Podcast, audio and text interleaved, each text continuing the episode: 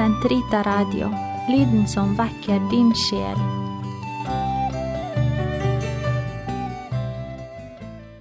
Kontemplative klostre.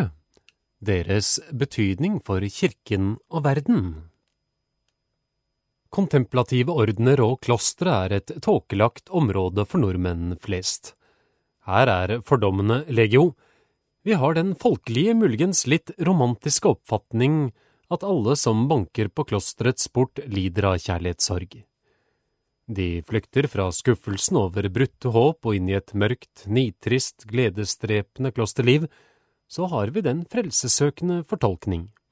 De som trer inn i et kontemplativt kloster, skjelver angst for egen frelse og tror det ved å gi avkall på alle naturlige goder og gleder kan kjøpe seg en plass i himmelen. All erfaring viser at hvis noen forsøker seg på klosterlivet ut fra slike egoistiske og angstfylte motiver, vil de ikke holde ut lenge. En mur reiser seg foran dem, og den vil de ikke greie å klatre over, uansett hvor mye de prøver. Selviske og negative motiver har ikke livets rett i klosteret som skal spre positive bølger til sine omgivelser. Hvis noen vil leve et liv etter de hellige tre løfter, må det ligge en lengsel og vilje bak til å tjene Gud og sine medmennesker. De som besøker et kontemplativt kloster og blir vitner til søstrenes bønneliv, kan ikke tvile et øyeblikk på at deres liv er gudsrettet, men at de i sin fysiske isolasjon fra omverdenen også tjener sine medmennesker, vil vel de fleste sette spørsmålstegn ved. Det er særlig dette spørsmålet jeg søker å gi svar på i følgende foredrag for nonner i et kontemplativt kloster. Bølgespredere er her stikkordet. Kjære venner, selv om jeg selv ikke tilhører en fullt ut kontemplativ orden, våger jeg allikevel å legge frem mitt syn på den uvurderlige nytte et kontemplativt kloster her i Norge har for land og folk. Sprer åndelige bølger. Et kontemplativt kloster er en åndelig bølgespreder. Det sender usynlige bølger over land og hav, til byer og bygder langt inn i de dype fjorder og til store og små øyer i skjærgården. Vi står her på sikker bibelsk grunn. Paulus taler om kirken som Kristi legeme, hvor vi er lemmer og Kristus hode. Efeserne 1, 22–23 Lemmene står i organisk samspill med hverandre. Om ett lem lider, så lider alle lemmene med, og om ett lem æres, så gleder alle lemmene seg med det. Første Korinterbrev 12, 25–26 Solidaritet og åndelig styrke bølger fra hodet til alle lemmene og derfra videre fra sunne til syke lemmer. Kristus taler om at han er vintreet og vi grenene på dette treet. Johannes 15, 5 Fra roten bølger saften opp i stammen og strømmer videre fra gren til gren, syke grener får kraft fra de sunne. Jeg minnes da jeg var prest i Tyskland i 1950-årene. Det kunne ligge et kontemplativt kloster like i nærheten av en landsby. Når de manglet noe å spise, ringte nonnene munkene med klosterklokkene. Straks ilte folk til med bøtter og spann fulle av mat. Når et slikt kloster ble nedlagt eller måtte flytte til et annet sted, ble det stor sorg i landsbyen. Det forholder seg nå engang slik at den vanlige kvinne og mann av folket har en intuitiv sans fordi velsignelsesrike åndelige bølger et kontemplativt kloster stråler ut til sine nærmeste omgivelser og langt lengre. Bølgenes art Nå må vi spørre, hva er det for slags bølger de kontemplative klostre forårsaker? Fremfor alt bønnens bølger. Opus Dei i hvert kontemplativt kloster er opus dei, Guds verk, det viktigste. Vi tenker her spesielt på de liturgiske tidebønnene som med jevne mellomrom blir bedt i klosterets kapell fra solens oppgang til solens nedgang. Til opus dei hører også messen som daglig leses i kapellet, så sant det lar seg gjøre. Noen kontemplative klostre er så heldige at de har en tjenende prest av egen orden. Under tidebønnen og messen trer dere, kjære søstre, inn i Jesu egen bønn og tar del i hans takksigelse, lov og pris til Faderen. Jesus elsket de gammeltestamentlige salmene, bønnene og lesninger fra profetene. Dere priser og takker Gud sammen med ham, ikke bare for alle de gaver han gir oss, men også fordi Gud er Gud, fordi han er den han er. Eller som vi synger i Gloria, vi takker deg for din store herlighet. Vi må se den sannhet i øynene at tusener av mennesker her til lands vandrer bevisstløs gjennom livet uten å tenke, eller ville tenke, på at alle gode gaver kommer fra Gud og at vårt liv burde være en eneste lang lov og takksigelse til skapningens Herre. Dere søstre har i troen fattet at Guds kjærlighet ligger til grunn for at vi ble til og fortsatt lever, at vi blir reddet fra synd og død og blir ledet fram til målet, en lykke hvor alle ord kommer til kort. I tidebønnen og under offermåltidet lover, priser, takker dere Gud stedfortredende for alle som glemmer ham. Fra klosterets kor bølger ut i verden et eksempel og en forkynnelse som maner til ettertanke og bevisstgjøring om hvem mennesket i virkeligheten er, hvem Gud er, og den livslange takk og tilbedelse vi alle skylder ham. Forbønner som kontemplative nonner er dere kalt til ikke bare å love, takke, prise Gud, men også å be for all verdens nød. Dere lever nok fysisk sett ganske avstengt fra den ytre verden, men det betyr ikke at dere lever i åndelig isolasjon. Mange her til lands tror at de som går i klosteret bare tenker på seg selv og utelukkende ber for egen frelse. De som lærer ordensfolk nærmere å kjenne, oppdager snart at det er en gedigen misforståelse. Som kontemplative ordensfolk trekker dere menneskehetens gleder og sorger med dere inn i klosteret. Dere ber hver dag for mennesker i åndelig og materiell nød, for dem som blir rammet av kriger, sykdommer, naturkatastrofer, ras og jordskjelv, fattigdom og undertrykkelse. Alt denne nød er gjenstand for deres bønner. Det er ikke mange personer i hvert kontemplativt kloster men de få utretter så utrolig mye for de mange. Vi har et slående eksempel fra Bibelen på hva den enkeltes bønn kan bety for hele byer. Abraham kjøpslo med Gud om Sodomas skjebne. Han bønnfalt Gud om å spare byen hvis det fantes ti rettferdige som bodde der. Gud elsket Abraham og lovet på hans forbønn å spare byens befolkning hvis det fantes ti rettferdige der. En helt annen sak er det at det ikke gjorde det jf. Første Mosebok 18, 23–33. På samme måte vil Gud bønnehøre nonner og munker som ber for verdens åndelige og materielle nød. Selvfølgelig hører Gud bønnene også til oss som lever i verden, men når bønnene blir så mange og intense som i et kontemplativt kloster, ja, når bønn for verden blir en av deres viktigste oppgaver, er det nærliggende å tro at eh, denne bønnens helbredende og oppbyggende virkninger blir uoverskuelige. Fra slike klostre bølger bønnen opp til Gud og ut til alle mennesker.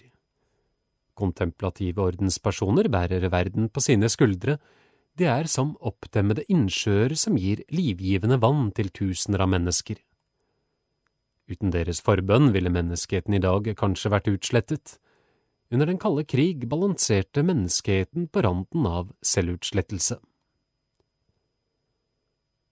Meditasjon Mange timer daglig bruker dere til felles bønn i koret, men en time daglig benytter dere til kristen meditasjon.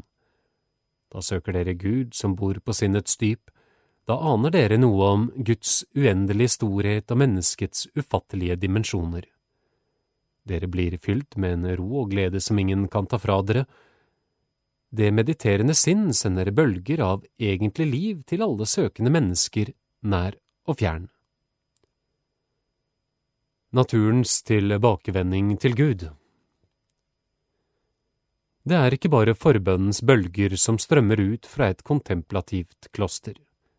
De har også den oppgave, stedfortreden i tilbedelse, å føre naturen tilbake til Gud. I Norge hersker atskillig naturmystikk, eller skal vi si mystifikasjon. Du hører setninger som denne, jeg trenger ikke å gå i kirken, jeg går heller på tur i skog og fjell, naturen er min kirke. Der finner jeg utløp for mine religiøse følelser. De fleste stanser, kanskje uten å være klar over det, på halvveien. Opplevelsen av naturens storhet og skjønnhet blir målet, ikke Gud selv. Når dere søstre vandrer blant blomster og trær i den fine haven deres, eller skuer utover fjorden og videre til de snødekte fjell og tinder, da går dere lengre enn den norske naturelsker. Dere fører hele skapningen i tilbedelse tilbake til Gud, det er jo det vi alle som tenkende og frie mennesker er kalt til. Den ubevisste natur kan ikke tilbe Gud, men vi mennesker har fått evnen til å søke og finne Guds spor i naturen som omgir oss. Vi aner noe om Guds storhet når vi skuer opp mot himmelens myriader av stjerner, vi ser et speilbilde av Guds allmakt når mektige bølger slår mot stranden. Vi øyner noe av Guds skjønnhet i blomstens ynde og treet som duver i vinden. Vi sanser noe av Guds visdom i den økologiske balansen i uberørt natur. All den erkjennelse og opplevelse av Guds storhet, allmakt, skjønnhet og visdom fører dere, søstre, i tilbedelse tilbake til Gud. Dere gjør det under messen, tidebønnen og i stille meditasjon, Altfor mange her til lands tar det vakre landet vårt for noe gitt som de ikke reflekterer nærmere over når de vandrer i skog og mark eller glir på ski over vidda. Dere, kjære søstre, er kalt til stedfortredende og øver bot for all denne forsømmelse. Trekk naturens vidunderlige mangfold inn i dere med alle sanser, gi så skapningen som takkoffer tilbake til den uskapte Gud. La bølger av tilbedelse strømme over hele landet og opp til Gud.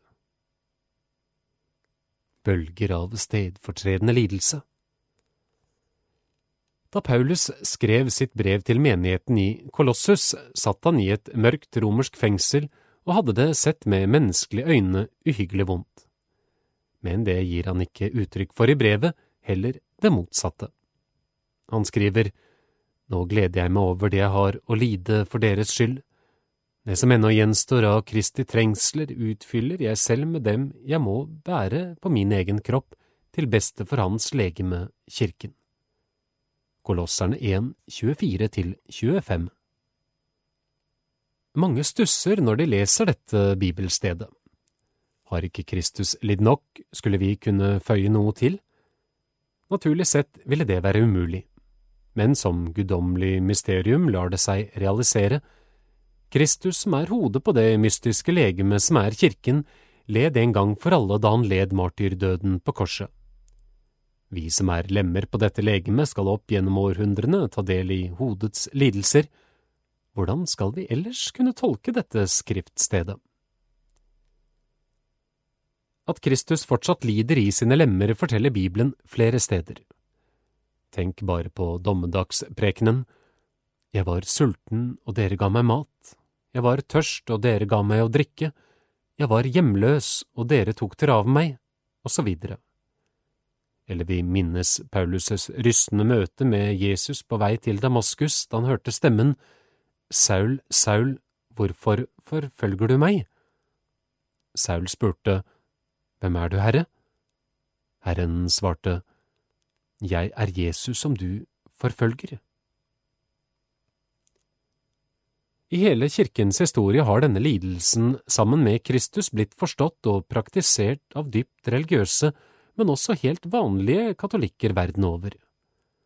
Det er skrevet tusener av bøker om det ondes problem, ingen har greid å løse problemet, for det dreier seg om et mysterium som bare Gud har innsikt i men den praktiske løsningen på det ondes mysterium kjenner og praktiserer vi i den katolske kirke. Vi slår mynt av lidelsen. Vi utnytter den positivt, så den kommer hele kirken og verden til gode. Vi som er lemmer på hans legeme, oppofrer våre lidelser til Kristus, som er hodet på dette legemet. Han trekker våre små rustne offergaver inn i sitt store offer, forgyller dem og legger dem frem for Gud Fader. Da tror vi at hans store offer, som våre små offergaver er trukket inn i, er med på å styrke og berike kirken og bidrar til verdens frelse. Dette fremkaller intet gjerningshovmod, som mange protestantiske kristne mistenker oss for. For våre lidelser og offergaver har, løsrevet fra Kristus, ingen verdi. Det er den lidende Kristus i oss som forgyller våre lidelser, som gjør våre offergaver verdifulle for Gud. Og det er av ren nåde at vi får fòrene våre små, skrøpelige offergaver med Jesu fullkomne offer på Golgata, der han henger på korset, oppofrer sine lidelser til Faderen og stadig blir korsfestet på nytt. Hebreerne 6,6 Denne nådegave å få lide med Jesus for verdens frelse har i uminnelige tider gitt livet mening for titusener av giktbruddene eldre, kreftsyke, tuberkuløse, forsmådde ektefeller, dem som lider av ulykkelig kjærlighet, nevrotikere, frustrerte personer, forfulgte, jordskjelvrammede, fattige, diskriminerte. Alle har de kjempet mot det onde, mot sine lidelser, og visst at Gud sto på deres side i kampen. Men i den grad lidelsen matret dem i øyeblikket, ofret de sine lidelser sammen med Kristus til Faderen. Mange har ved Den hellige ånds opplysning fattet at de under fysiske og psykiske trengsler har gjort mer for Guds rike på jord enn da de ungdommens vår, eller som kjernesunne voksne, arbeidet aktivt for kirken. En glede så dypt forankret at den kun med møye kan registreres, kan som hos Paulus gå hånd i hånd med et slikt offerliv. Dette er en tanke som er fremmed for vårt langt overveiende protestantiske Norge, og vil møte total uforstand i avkristnede lag av befolkningen. Dere som lever i et kontemplativt kloster har en viktig oppgave her. Det lar seg knapt gjøre å søke Jesus for å likedannes med ham uten å bli trukket inn i langfredagens uhyggelige person. Også i kontemplative klostre, ja, ikke minst der, kan sykdom, alderdommens svakheter, åndelig tørke, opplevelsen av Guds tilsynelatende fravær, sansenes eller sjelens mørke natt kaste seg over et ordensmedlem. Det Norges befolkning forsømmer å gjøre når de lider, skal dere gjøre i deres sted. Sammen med brudgommen, vennen, skal dere sende bølger av smertens offergave til Gud. Fra ham vil denne stedfortredende lidelse bølge videre utover land og folk og føre til åndelig fornyelse, omvendelse og frelse for alle dem som lever bevisstløst i nuet. Bølger av egentlig liv. Nå er tiden inne til å gå mer i dybden. Vi spør hva er et menneske? Vi kan skille mellom det lille og store ego. Det lille ego. Til det lille ego hører registreringsplanet, navn, personnummer osv., karakterplanet. Du blir av dine omgivelser karakterisert som flittig, oppbrusende, kreativ osv. Det underbevisste plan som åpenbarer seg i drømmer eller ved positive eller negative impulser. Det store ego Under det lille ego ligger det store ego. Vi er skapt i Guds bilde. Vi kan tenke abstrakt og velge fritt som Gud. Gudsbildet i oss er ikke noe statisk, men dynamisk. Det ligger i vår menneskelige natur at vi, i beste fall, er i uavbrutt bevegelse mot Gud. Salmisten gir uttrykk for dette når han sier, Som hjorten lengter etter rinnende bekker, slik lengter min sjel etter deg, min Gud. Augustin uttrykker det enda klarere når han sier, Vi er skapt for deg, o Gud, og urolig er mitt hjerte inntil det hviler i deg. Vi har et uendelig sluk i vårt sinn som bare kan fylles av Gud selv. Det skjer delvis her på jorden, det skjer helt og fullt når vi går over dødens skillevegg og inn i den tilstand vi kaller himmelen. Dette ufattelig store rommet i vårt vesen hvor Gud bor, er det store ego. Surrogatguder De fleste mennesker er ikke klar over eksistensen av dette store selvet, til tross for at det er denne uendelige gudslignende dimensjon i vår person som er fundamentet for vårt menneskeverd og for alle menneskerettigheter. Folk flest lever som om det lille egoet utgjør hele deres eksistens. Det fører i verste fall galt av sted. Vi bygger murer rundt vår private borg, vårt lille ego, og glemmer både Gud og medmenneske. Men den i vår natur nedlagte driften etter det uendelige og absolutte lar seg ikke fornekte. Hvis vi bygger et sperrende tak mellom oss og Gud, blir det til at vi søker det absolutte og uendelige i skapte og endelige ting. Dette fører i sin tur til et hektisk, rastløst jag etter erstatninger som aldri tilfredsstiller over tid. Vi skaper surrogatgudene makt, tingene og eros, og tilegner dem, kanskje ubevisst, guddommelige egenskaper, noe de vitterlig ikke har. Dette fører til et uegentlig liv bygget på løgn. Som en motvekt til dette ser jeg klosterløftenes verdi. Maktbegjær Den viktigste og farligste surrogatguden er maktbegjæret. De som hyller denne guden, vil sette seg selv, sitt eget subjekt, som verdens midtpunkt og redusere sine medmennesker til objekter. Medmennesket blir da ikke elsket, ikke respektert, men utnyttet. De andre har i maktmenneskets øyne eksistensberettigelse kun i den utstrekning de kan tjene dem selv, deres lille ego. Jakten på makt vil i verste fall avføde diktatoren i den totalitære stat. Lydighetsløftet som ordensfolk avlegger, er den mest radikale motvekt mot det drepende maktbegjæret. Deres søstre gir i store trekk frivillig avkall på å disponere over eget liv. Dere lover å leve etter ordensregelen og vise lydighet til deres ordensforesatte. Dere gjør dere selv maktesløse i en verden hvor maktbegjær får herje fritt. Lydighetsløftet forkvakler ikke den menneskelige person.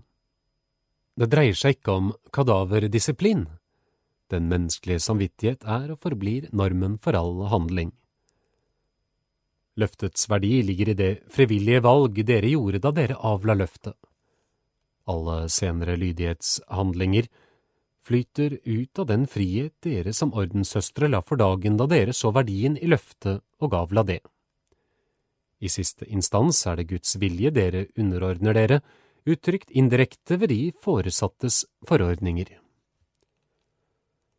Alle mennesker har ifølge sin natur rett til, innenfor lovens og budenes ramme, å forføye over eget liv etter eget valg. Når dere, søstre, ved lydighetsløftet i ydmyk kjærlighet underordner dere Guds vilje, vil denne handling sone for de mange som i hovmod forkaster Gud og i suveren maktbrynde guddommeliggjør sitt lille ego med alle dets ønsker og makt. Ved å gjøre mer enn den menneskelige natur krever av dere, sender dere ut bølger av gode eksempler som peker hen mot den Gud vi alle ydmykt må underordne oss. Tingene En annen surrogatgud er tingene, eller uttrykt med andre ord, den umettelige grådighet etter materielle gjenstander.